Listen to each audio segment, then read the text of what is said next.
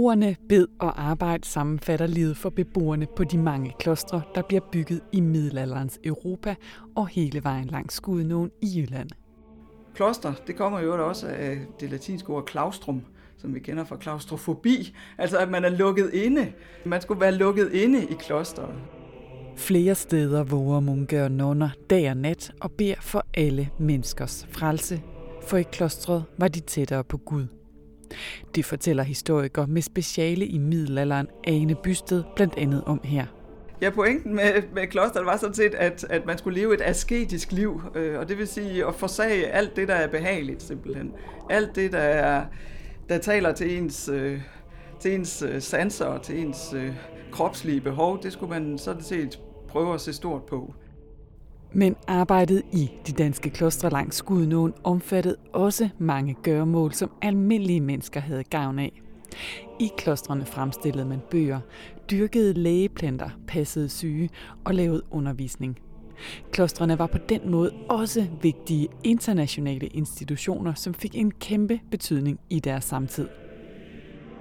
At producere bøger i middelalderen, jamen det, der skulle man jo også have noget at skrive på, og det var pergament, som blev lavet af, af dyrehuder.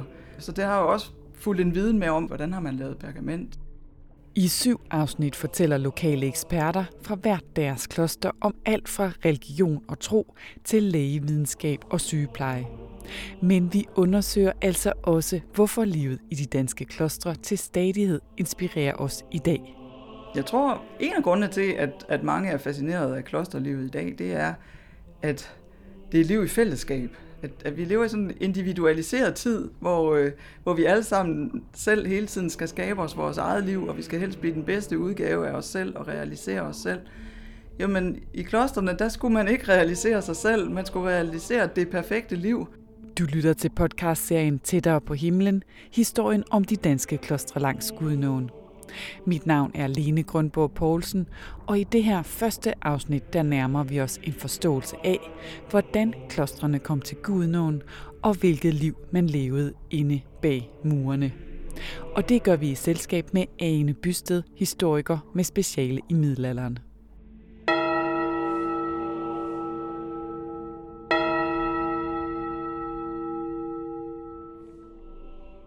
Klosterne kommer til, til Danmark som en del af, af den her pakke, som, øh, som den kristne kirke er.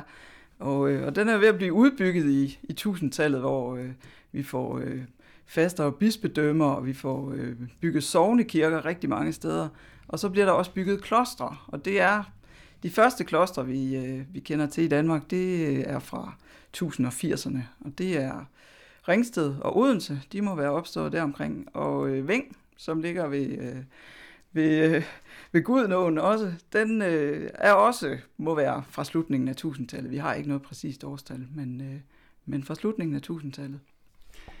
Og ved man noget om, hvorfor den her klosterkultur, den overhovedet kommer til Danmark og til Gudnåen, som vi jo selvfølgelig er særligt interesseret i den her podcast? Vi ved noget om, hvem der stifter de første klostre. Vi, vi ved måske ikke præcis, hvorfor de gør det, men det kan vi jo forsøge at regne ud. Og dem, der stifter de første klostre, det er biskopper, og det er konger, og så er det de store, øh, de store slægter. Og biskopperne, jamen de har jo stiftet klostre, må vi gå ud fra, fordi de mente, at det var en del af, af den kirke, de gerne ville, øh, ville opbygge i Danmark. Og øh, konger, de har stået bag ved kloster og stiftet dem, fordi de også mente, at det var en del af at opbygge en, en kristen kirke i Danmark, og der ville de gerne stå som, som stiftere. Samtidig så, øh, hvis man stiftede et kloster, jamen så fik man del i den forbøn, som, som munkene og nonnerne, de, øh, de kunne yde. Jamen, den kristendom, der kom til Danmark i, øh, i middelalderen, det var jo den katolske kristendom. Det var den kristendom, der var, øh, kan man sige, i, i Vesteuropa på det tidspunkt. Og der er det et, et helt centralt element i troen, at, at øh, hvis man har begået en synd, så skal der gøres bod for den synd. Og det gør man ved at, at faste eller blive bønder, og det gør man selv, men man kunne også få nogle andre til det. Øh, og det var, var jo så munke eller nonner, man kunne give den opgave, kan man sige. Eller man havde den forestilling, at munke og nonner ydede stedfortrædende bod.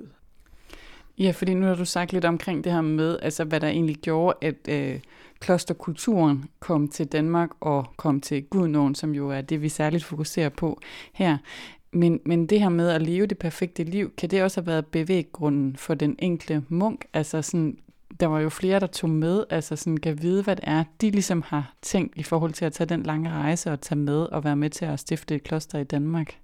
Ja, det har været en, en særlig opgave at, at skulle øh, grundlægge et kloster i, i, i et land, som lå helt ude i, i kristendommens yderkant, og som, øh, som sikkert var barbarer og mærkelige på alle mulige måder. Så det har jo været noget, man har op, opfattet som en helt særlig opgave, og også noget, som, som virkelig kunne, kunne, zone, kunne zone en sønder, at man, øh, at man på den måde øh, opsøgte øh, de her meget hårde vilkår.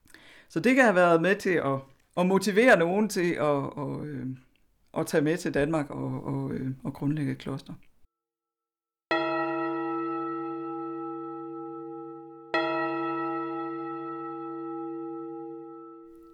Området ved Gudnåen er et rigtig godt sted for kloster. Øh, der er virkelig mange kloster omkring Gudnåen. 15 øh, stykker har der været alt i alt. Øh, nogle af dem har ikke været der ret længe, øh, er blevet nedlagt igen, eller er blevet flyttet. Men vi har repræsenteret forskellige former for klostre. Der er hele fem forskellige ordner. Der er både landklostre og der er byklostre ved det, at Gudnåen løber ud ved Randers, hvor vi jo også har byklostre. Men øh, man kan sige, at landklostrene er dem, der kommer først. Øh, og også de ordner, som, som laver landkloster, er, er, de, er de tidligste, og dem, der kommer først til Danmark. Øh, og her tænker jeg på, på, på benediktinerne. Deres kloster ligger fortrinsvis i landområder. Ikke altid. Der, kan også, der er også bygget benediktinerkloster i byer. Øh, I øvrigt har vi også øh, benediktinerklostre benediktinerkloster i, i Randers øh, og i andre byer. Nogle gange er der jo så også opstået en by rundt om et kloster. Cistercienserne, som er den næste orden, der kommer til Danmark, og den kommer midten af, af 1100-tallet, de har som princip, at de vil ligge ude på landet.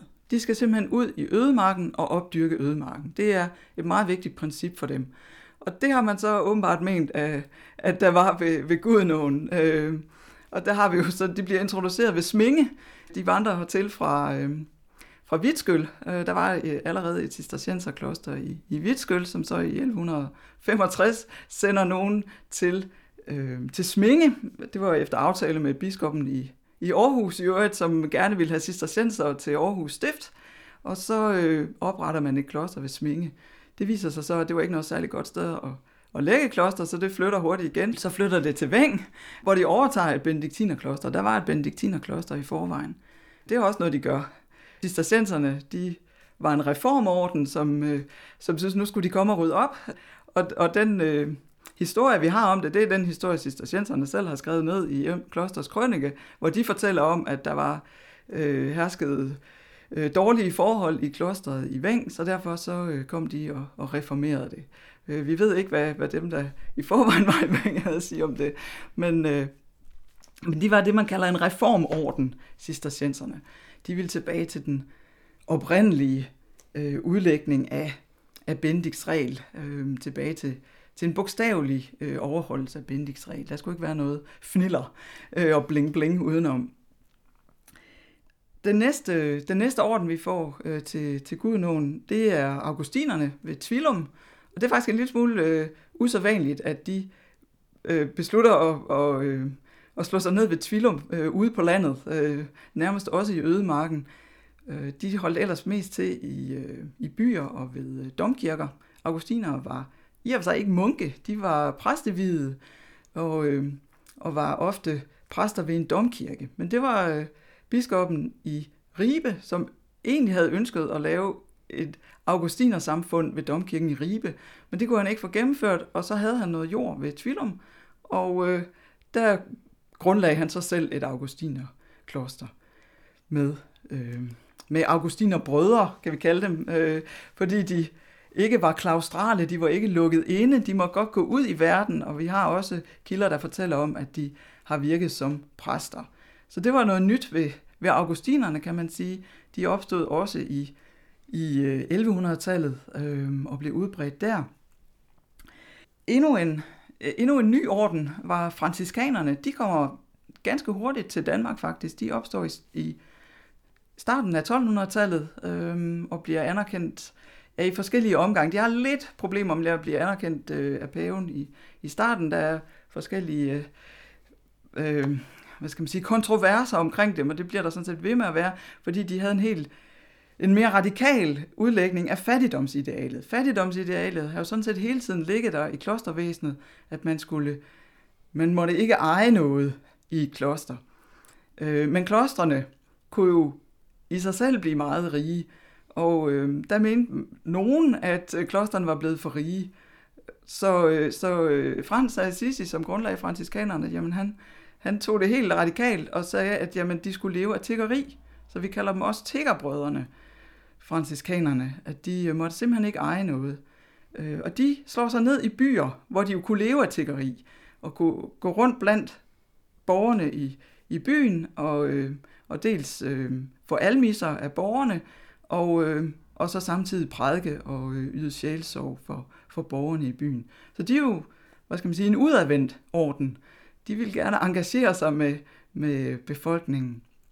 Og det kunne man jo bedst gøre i byerne. Og der får vi jo et, øh, et øh, franciskanerkloster i, øh, i Randers i, øh, i 1236, hvilket er forholdsvis tidligt. Øh, det er kun fire år efter, at de overhovedet kommer til Danmark.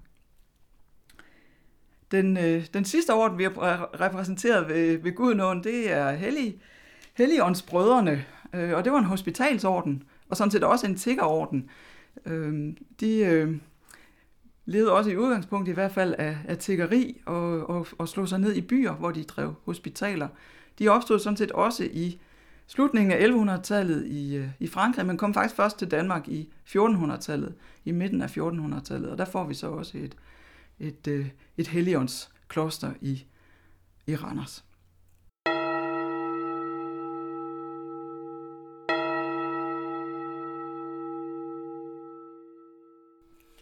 Hvordan vil du beskrive deres tro og deres livssyn på det her tidspunkt? Det kan være noget, der er meget svært for, for os at sætte os ind i i dag, men kan man sætte nogle ord på? Jamen det var jo ja, katolsk kristendom, som den var i middelalderen, og præget af forestillinger om, om synd og bod og askese. Hvad vil det sige? Ja, pointen med, med klosteret var sådan set, at, at man skulle leve et asketisk liv, øh, og det vil sige at forsage alt det, der er behageligt simpelthen. Alt det, der, er, der taler til ens, øh, til ens øh, sanser og til ens øh, kropslige behov, det skulle man sådan set prøve at se stort på. Så munke og nonner var nogen, der levede et, et asketisk liv og forsagede alle verdens goder. De skulle jo opfylde, øh, hvad hedder det, når man gik i kloster, skulle man aflægge klosterløfter. Og det var øh, lydighed, fattigdom og kyskhed.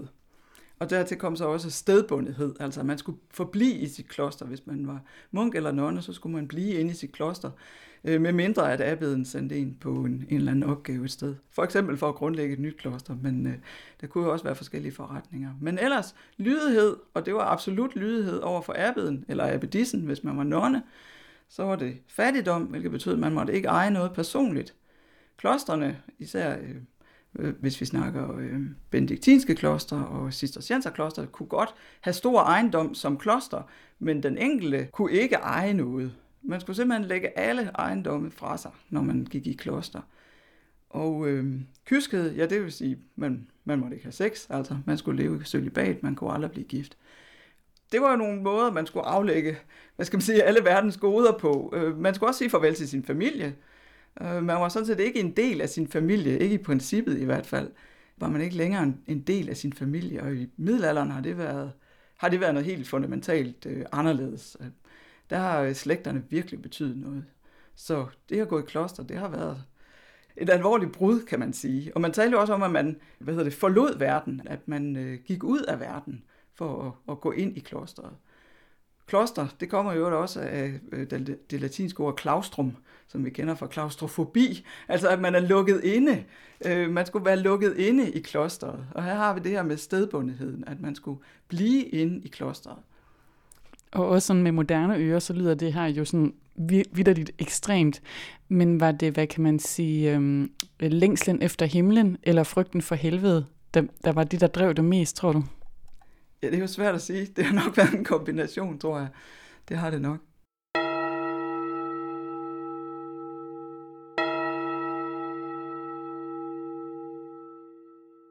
En ting var så det her med, altså, hvad deres livssyn var, øh, men øh, noget andet det var sådan, deres hverdag, som du siger, bestod af en virkelig fast struktur og rutine. Hvordan var deres hverdag? Jamen, ja, hverdagen, den var sådan helt fast bestemt af de otte tidebønder. Og den, øh, de otte tidebønder, det var noget, man havde i alle klostre. Og, og de er fastlagt i, i Benedikts regel, øh, Benedikt af Nursia, som, øh, som grundlagde kloster i midten af Italien i, øh, hvad det, i 530'erne. Han skrev også den regel, som blev udgangspunktet for, for klosterlivet i hele Vesteuropa. Livet i, i klosterne var også asketisk på den måde, at der var bestemte regler for, hvad man måtte spise og hvornår. Det var simpelthen også en del af det faste daglige schema, at der var to måltider om sommeren, hvor dagen jo var lange, øh, og, og et måltid om vinteren. Øh, og det første måltid om sommeren, det var efter højmessen, altså omkring, øh, omkring middag, eller omkring, ja, måske ved et-tiden ville vi kalde det. Det andet måltid, det har været efter vesper, altså sidst på eftermiddagen. Og om vinteren, der var der et måltid, og det var sent om eftermiddagen. Så øh, man har skulle stå op tidlig om morgenen, øh, midt om natten og tidlig om morgenen, og så har man øh, ikke fået noget at spise før hen på eftermiddagen. Det har jo været en del af en asketisk øvelse, kan man sige, at man simpelthen skulle overdøve den der knuren, man kunne have i maven. Og det ved jeg ikke, hvordan man vil have det med i dag, men øh, det er måske noget, man kan vende sig til. Det er det nok, øh, at øh, simpelthen, når jamen, sådan, sådan er det bare. Øh, min, der er et hul i maven, og, og sådan er det. Men øh, så kunne man jo tænke på, at, at øh, man, man offrede det for, for Gud simpelthen. At det, det var et af de ofre, man bragte, at man, øh, at man var sulten. En anden ting var, var stillhed. Øh, det var ikke meningen, man skulle snakke. Man levede godt nok i fællesskab, men, øh, men man skulle ikke øh, sladre og skvaldre. Øh, der var helt bestemte regler for, hvornår man måtte sige noget, og det var ikke ved måltiderne, men efter måltiderne måtte man tale. Og så ved kapitelmøderne, hvor man altså havde møder for, øh, for hele øh, klostersamfundet en gang om dagen. Man havde ikke noget privatliv. Øh, man har sovet på sovesale, i hvert fald øh, i udgangspunktet. Og man har sovet med alt tøjet på, i øvrigt, så man var klar til at stå op midt om natten, når man skulle, når man skulle øh, ned for at, at bede øh, tidebønderne. Og der har heller ikke været meget personlig hygiejne. Det har sådan set også været en del af askesen, at man ikke vaskede sig. Øh, man skulle ikke pleje kroppen på den måde, at man, øh, at man vaskede sig. Så øh, man har vasket sig til jul, til påske og til pinse. Det har simpelthen været op til højtiderne, hvor som del af sådan en, en øh, renselse, en, en forberedelse på højtiderne. Så øh, ja, i en lun sommer, der kan man måske godt øh, nå at blive en lille smule øh, hengemt øh, mellem pinse og, og jul. Men øh, ja,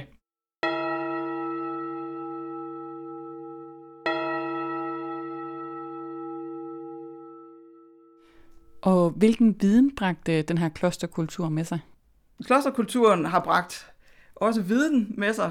Dels ja, bogproduktion, men hvordan man, hvordan man øh, skrev bøger, afskrev bøger, det er jo en af de ting, som øh, munkene også gjorde. De, det var, og det kunne være en del af det arbejde, de udførte i løbet af dagen, det var at afskrive bøger.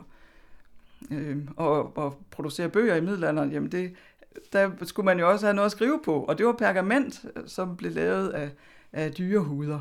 Øh, så det har jo også fulgt en viden med om, hvordan har man, øh, hvordan har man lavet pergament, øh, hvilke, hvilke dyr har været gode til at, at lave pergament af og så videre. De har også øh, ført øh, former for ingeniørkunst med sig, kan man sige. Altså noget med, at, hvordan man kunne grave kanaler, det har vi flere eksempler på, på både øh, Øm og, og Vor ved, øh, i hver sin ende af, af Morsø, hvor munkene har gravet kanaler, øh, sådan at de kunne udnytte vandkraften. Og øh, byggeteknik, det er munkene, der har lært danskerne at lave mursten, altså teglsten. Det er jo fuldstændig sædvanligt byggemateriale for os i dag, men øh, det var noget, man skulle lære. Øh, hvilke ler er godt at lave teglsten af? Hvordan kunne man lave ovne til at brænde dem i? Og det har vi første øh, gang i Danmark øh, ved klostrene i Sorø og, og Ringsted. Og det har jo været en god ting at kunne i Danmark, hvor vi ikke har særlig mange natursten. Andre, I andre lande har man jo haft masser af natursten, man kunne hugge til. Men øh, munkene har lært os at lave, øh, at lave teglsten. Så på en måde kan man måske sige, at de bragte sådan en viden fra hele Europa øh, op til, til det her Norden. Altså kan man lige frem kalde en europæisering? Man kan godt kalde det en europæisering på, på nogle måder, at, øh, at de har haft en international kultur, som, som, øh, som de har bragt med, eller de har haft forbindelser til klostre i andre lande, hvor de har kunne låne folk, der vidste noget, og de har kunne komme herop i en, i en periode, eller de, de har øh, selv været til oplæring, eller der er øh, munke, som har været i Sydeuropa, som så er, er rejst til Danmark og har, har lært fra sig. Nu har du sådan øh, givet os en tur gennem øh, opstarten på det her klostervæsen i Danmark, og øh, et af de spørgsmål, som jeg jo også øh, stiller her i podcasten, det er det her med, hvorfor klostrene de sådan til stadighed fascinerer os i dag. Hvorfor tænker du, at øh, vi stadigvæk er fascineret af den måde, man har levet på dengang? Jeg tror, en af grundene til, at, at mange er fascineret af klosterlivet i dag, det er, at det er liv i fællesskab. At, at vi lever i sådan en individualiseret tid, hvor, øh, hvor vi alle sammen selv hele tiden skal skabe os vores eget liv, og vi skal helst blive den bedste udgave af os selv og realisere os selv. Jamen, i klosterne, der skulle man ikke realisere sig selv, man skulle realisere det perfekte liv, og det var det, der allerede var foreskrevet, og man gik ind i sådan en helt fast rytme, øhm, og der var ikke andet end det, man skulle. Øhm, og, og det har man gjort ja, for sin egen frelse, men jo også for fællesskabets frelse. For resten af klostersamfundet og for, for sin egen familie har man bedt for, og man har bedt for dem, som, som har stiftet og, og ydet øh, donationer til klostrene. Så det tror jeg er en del af det. En anden ting, der gør, at man er fascineret af kloster, er også det spirituelle liv, tror jeg. Øh, I hvert fald for nogle mennesker. Ligesom vi kan se, der er mange, der er fascineret af pilgrimsfærd. Øh, det hænger måske sammen med sådan en, øh, en trang til udendørsliv og øh, at gå en tur med et godt formål, men, men der ligger også for mange, tror jeg, af dem, der går på pilgrimsferie i dag, er der også en spirituel søgen bagved. Øhm, og, og det er en, en måde at, at nå ind i sig selv på, og måske også nå til Gud på, øh, ved at man går ind i sådan en helt monoton rytme ved at gå øh, en pilgrimsfærd, ligesom man har levet et helt monotont liv i, øh, i klosteret.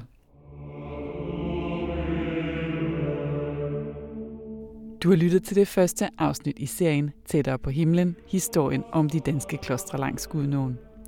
I de næste syv afsnit, der kan du komme med på besøg ved forskellige klostre og klosterruiner, der sammen fortæller historien om de danske klostre langs Gudnåen. Og vil du vide mere om kulturhistorie i området langs Gudnåen, så skal du gå ind på oplevgudnå.dk podcast.